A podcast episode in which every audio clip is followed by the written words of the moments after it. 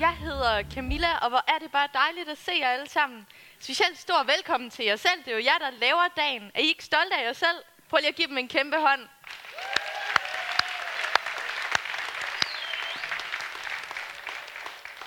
Der er altså ikke ret mange voksne, der tør gøre det, I gør. Stå foran så mange mennesker. Jeg synes simpelthen, det er så sejt. Øh, men her de næste 20 minutter, der skal I bare slappe af, læne jer tilbage, fordi der er det mig, der skal stå her og fortælle jer nogle gode ting. Øhm, for jeg kunne godt tænke mig at give jer et par ord med på vejen her på jeres store dag. Glæder jer til festen? Ja, glæder jer til gaverne? Ja, men det bedste, det kommer til at være det, jeg siger. Er det ikke rigtigt? Jo, det bedste og det vigtigste. Som sagt hedder jeg Camilla, og jeg er vist det, man kalder for fast inventar her i kirken. Man kan næsten altid finde mig her.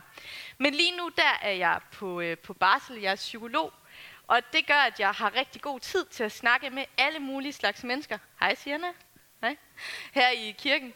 Øh, og det har været rigtig spændende at lære jer at kende. Jeg synes, det er så spændende at høre, hvad, hvad for nogle udfordringer I står i. Hvad for nogle overvejelser I tager med jer i dag. Fordi øh, det er jo ikke ligesom i folkekirken. I folkekirken, der bekræfter man sin tro. Man siger, jeg tror, øh, jeg tror på Jesus. Jeg, jeg bekræfter, at kristendommen er min tro. Og sådan er det jo ikke helt her, fordi vi velsigner jer bare egentlig. Vi fejrer, at I går for at være barn og på vej til at blive voksen, og så velsigner vi jer. Og vi velsigner alle slags mennesker, om man er personligt troende eller ej. Og det betyder også, at I er mange forskellige steder i livet. Nogle af jer I er overbevist om, ja, jeg tror på Jesus, og jeg har overgivet mit liv. Nogle af jer I er tvivlende. Nogle af jer I overvejer det måske ikke så meget endnu. Og ligegyldigt hvad, så skal I vide, at I repræsenterer os alle sammen. For det er ikke kun jer, der har det sådan. Vi står alle sammen i forskellige faser i livet, når det kommer til tro. Nogle af os, vi er måske vokset op i kristendommen, vi tror på Gud. Andre af os, vi er tvivlende. Og nogen, vi har allerede valgt at sige, det der med kristendom, det er ikke noget for mig. Og da jeg skulle forberede mig til i dag, der kom jeg i tanke om en person, der minder meget om, om os alle sammen nok. Det er en person, jeg mødte i Las Vegas, der hedder Cheryl. Jeg blev selv kristen, da jeg var 17 år gammel i Las Vegas. Og det er en anden god historie. Den får I ikke lige nu. Men jeg var i Las Vegas, og så møder jeg Cheryl, og hun er måske den øh, kristne person, der har inspireret mig allermest. Cheryl, hun, øh, hun var en af dem, hvor man tænker, ej, hun elsker bare virkelig Jesus. Jeg, hun bad rigtig meget, og hun læste i sin bibel, og hun var bare mega god øh, ved alle mennesker. Hun var tilgivende, barmhjertig, gavmild, alle de her ting. Så hun inspirerede mig rigtig meget til selv at begynde at tro på Jesus.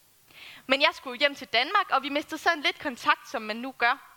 Øhm, og for nogle år tilbage, så snakker vi sammen over telefonen. Og det har været lang tid, hvor vi ikke har snakket sammen.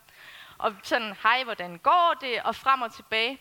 Og Cheryl, hun øh, siger så, øh, jeg har noget, jeg skal fortælle dig. Jeg spørger, hvad er det? Og så bliver hun helt stille. Og så siger hun, hvis jeg skal være helt ærlig, så tror jeg faktisk ikke længere. Jeg, ikke, jeg anser ikke længere mig selv for at være kristen. Og jeg spørger, jamen hvad er der sket? Hvordan kan det være? Og så siger hun, jamen i takt med, at jeg blev voksen, i takt med, at jeg fik en uddannelse, i takt med, at, øh, at jeg kom til at kende godt og ondt her i livet, så kunne jeg bare ikke tro længere. Og Sjævle, hun repræsenterer nok mange af os, at øh, troen, den fungerede rigtig godt, da, da vi voksede op. Alle de smukke historier om Jesus. Øhm, men i takt med, at vi er blevet voksne, så kan det være svært at tro på, at der er en skaber, vi kan kommunikere med. En skaber, der elsker os højere end noget andet. Men vi håber jo alle sammen, ikke? Vi håber, håber, håber alle sammen helt ærligt på, at der er en skaber, vi kan snakke med. Vi håber alle sammen på, at der er liv efter døden. Ikke sandt? At der venter os noget rigtig godt. Øhm, men jeg snakker med Cheryl, og, og så spørger jeg hende, jamen, hvad er der sket? Hvordan kan det være, at du har mistet troen? Og så nævner hun nogle punkter, jeg godt kunne tænke mig at dele med jer i dag. Øhm, for jeg tænker, vi kan godt vende de her punkter om, og så kan vi stille os selv det modsatte spørgsmål, nemlig, hvordan kan man forblive kristen? Hvordan kan man blive ved med at være kristen resten af livet? For Cheryl, hun er ikke noget særtilfælde. Det er svært at måle sådan noget, men i USA der siger man, at cirka halvdelen af alle de børn, der vokser op i en kristen sammenhæng, i en kristen familie, på et eller andet tidspunkt, så mister de deres tro, når de bliver voksne.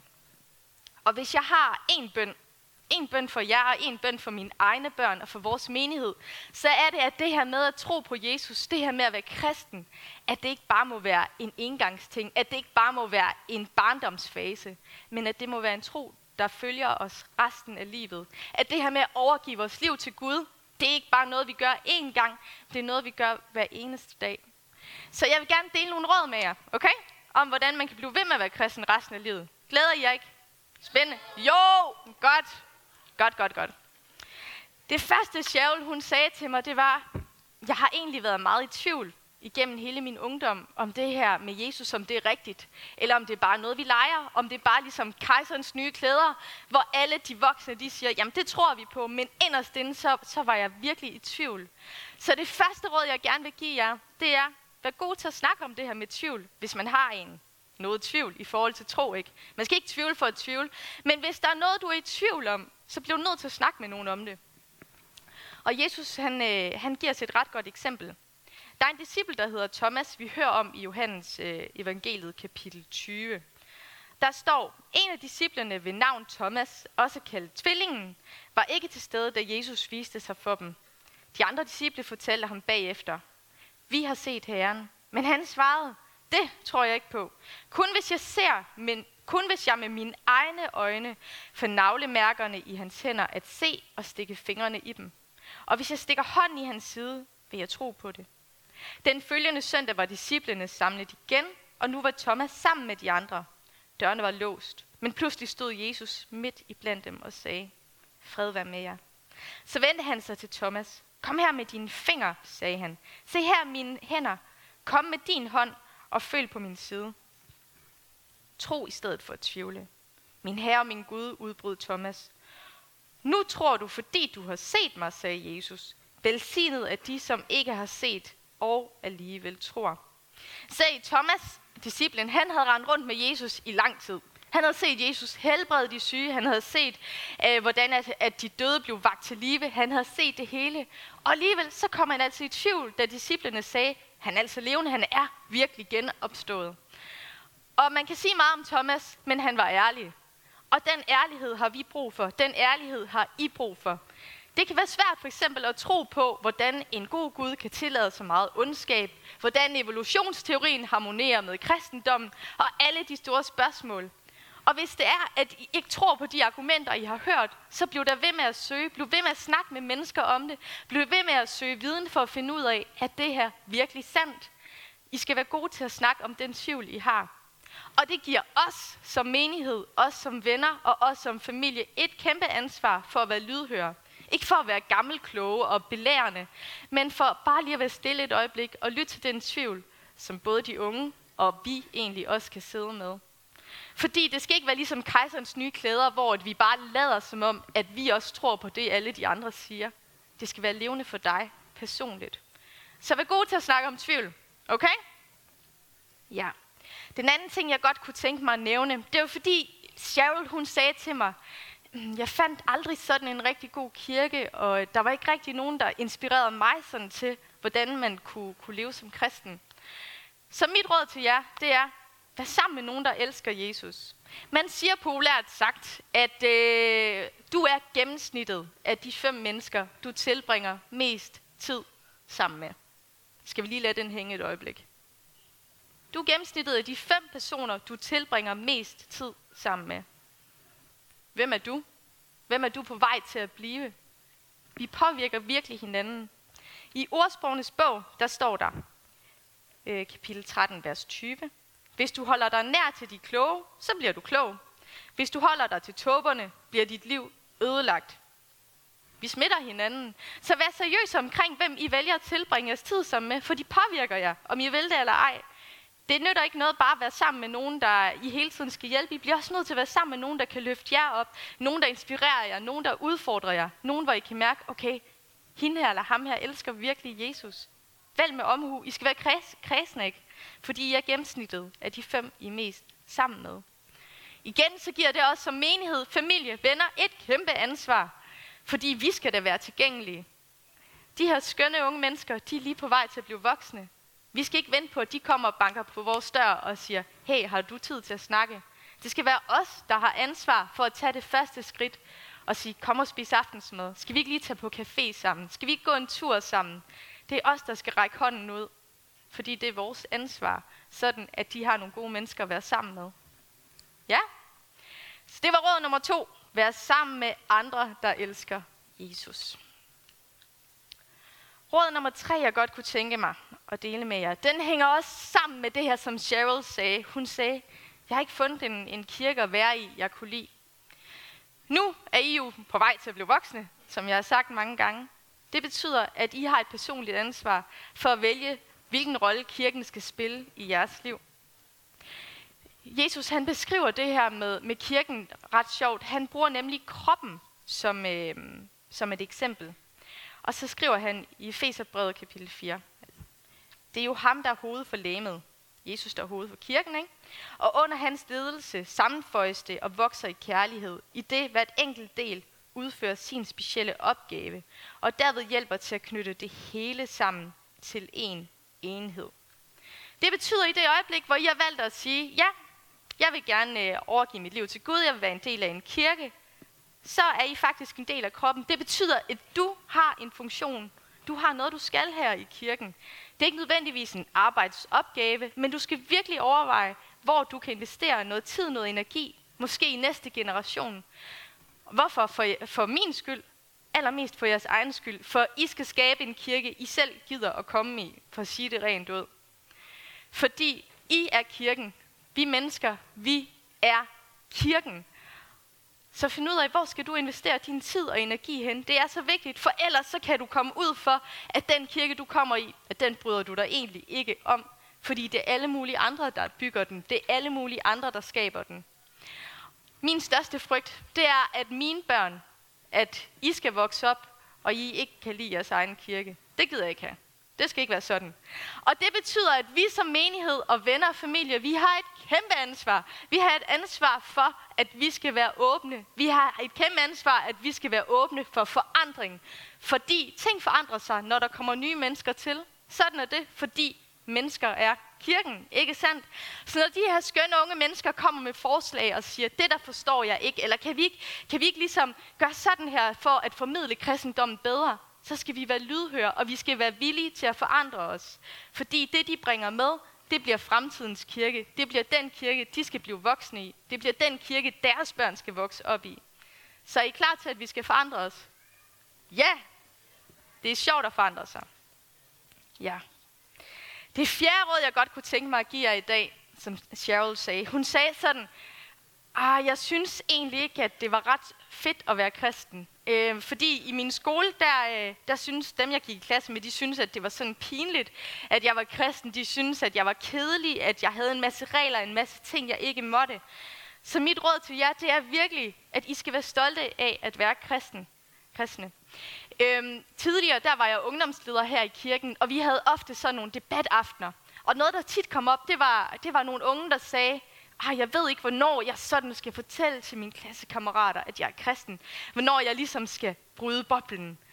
Og det lyder næsten som om, man bærer på en sygdom, ikke sandt? Men det er ikke kun de unge, der har det sådan. Sådan kan voksne også have det, når man starter på en ny arbejdsplads. Ah, hvornår skal man lige sige det, så de ikke tænker dårligt om en, og hvordan kan man bedst vise det?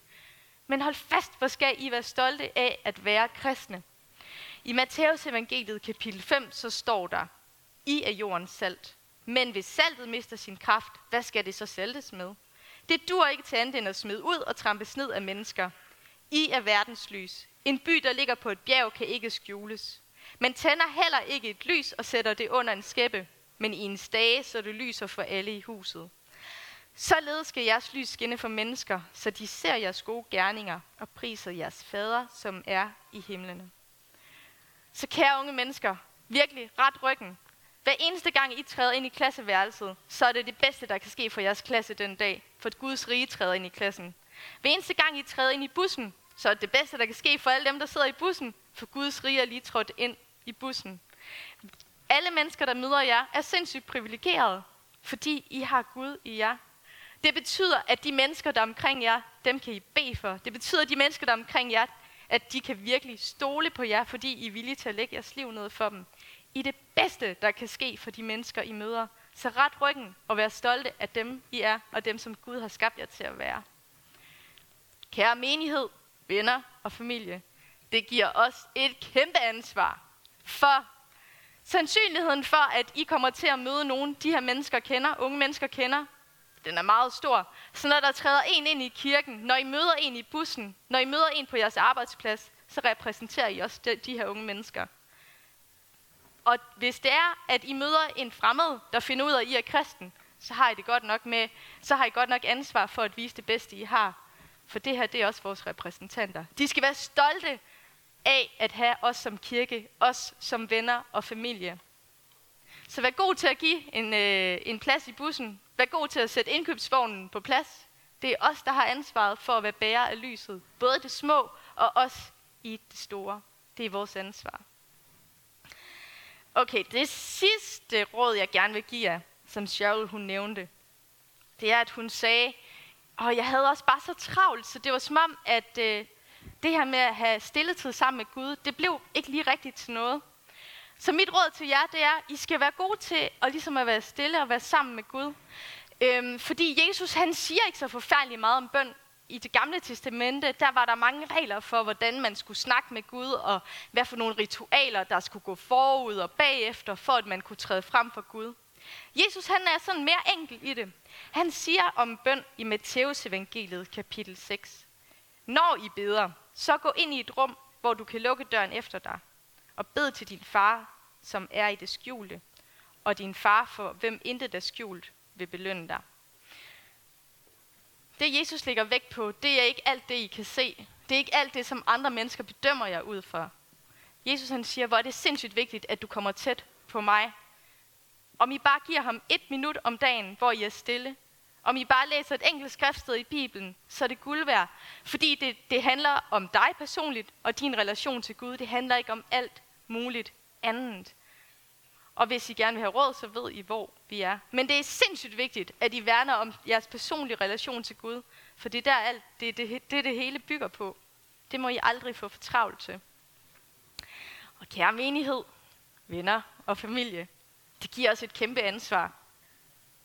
Fordi vi skal sørge for at inspirere dem. Vi skal sørge for at bede for vores unge mennesker. Vi skal sørge for at give dem øh, nogle gode rollemodeller, når det kommer til at være alene sammen med Gud. Så forældre, husk at lægge jeres telefoner væk. Husk at gøre tid til, at man kan være stille hjemme hos jer. Husk at hjælpe med at få nogle gode vaner.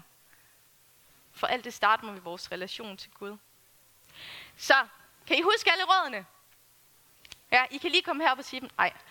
Øhm, så for det første, vær god til at snakke om tvivl. Vær sammen med andre, der elsker Jesus. Vær involveret i kirken. Vær stolt af at være kristen. Og tilbring tid sammen med Gud.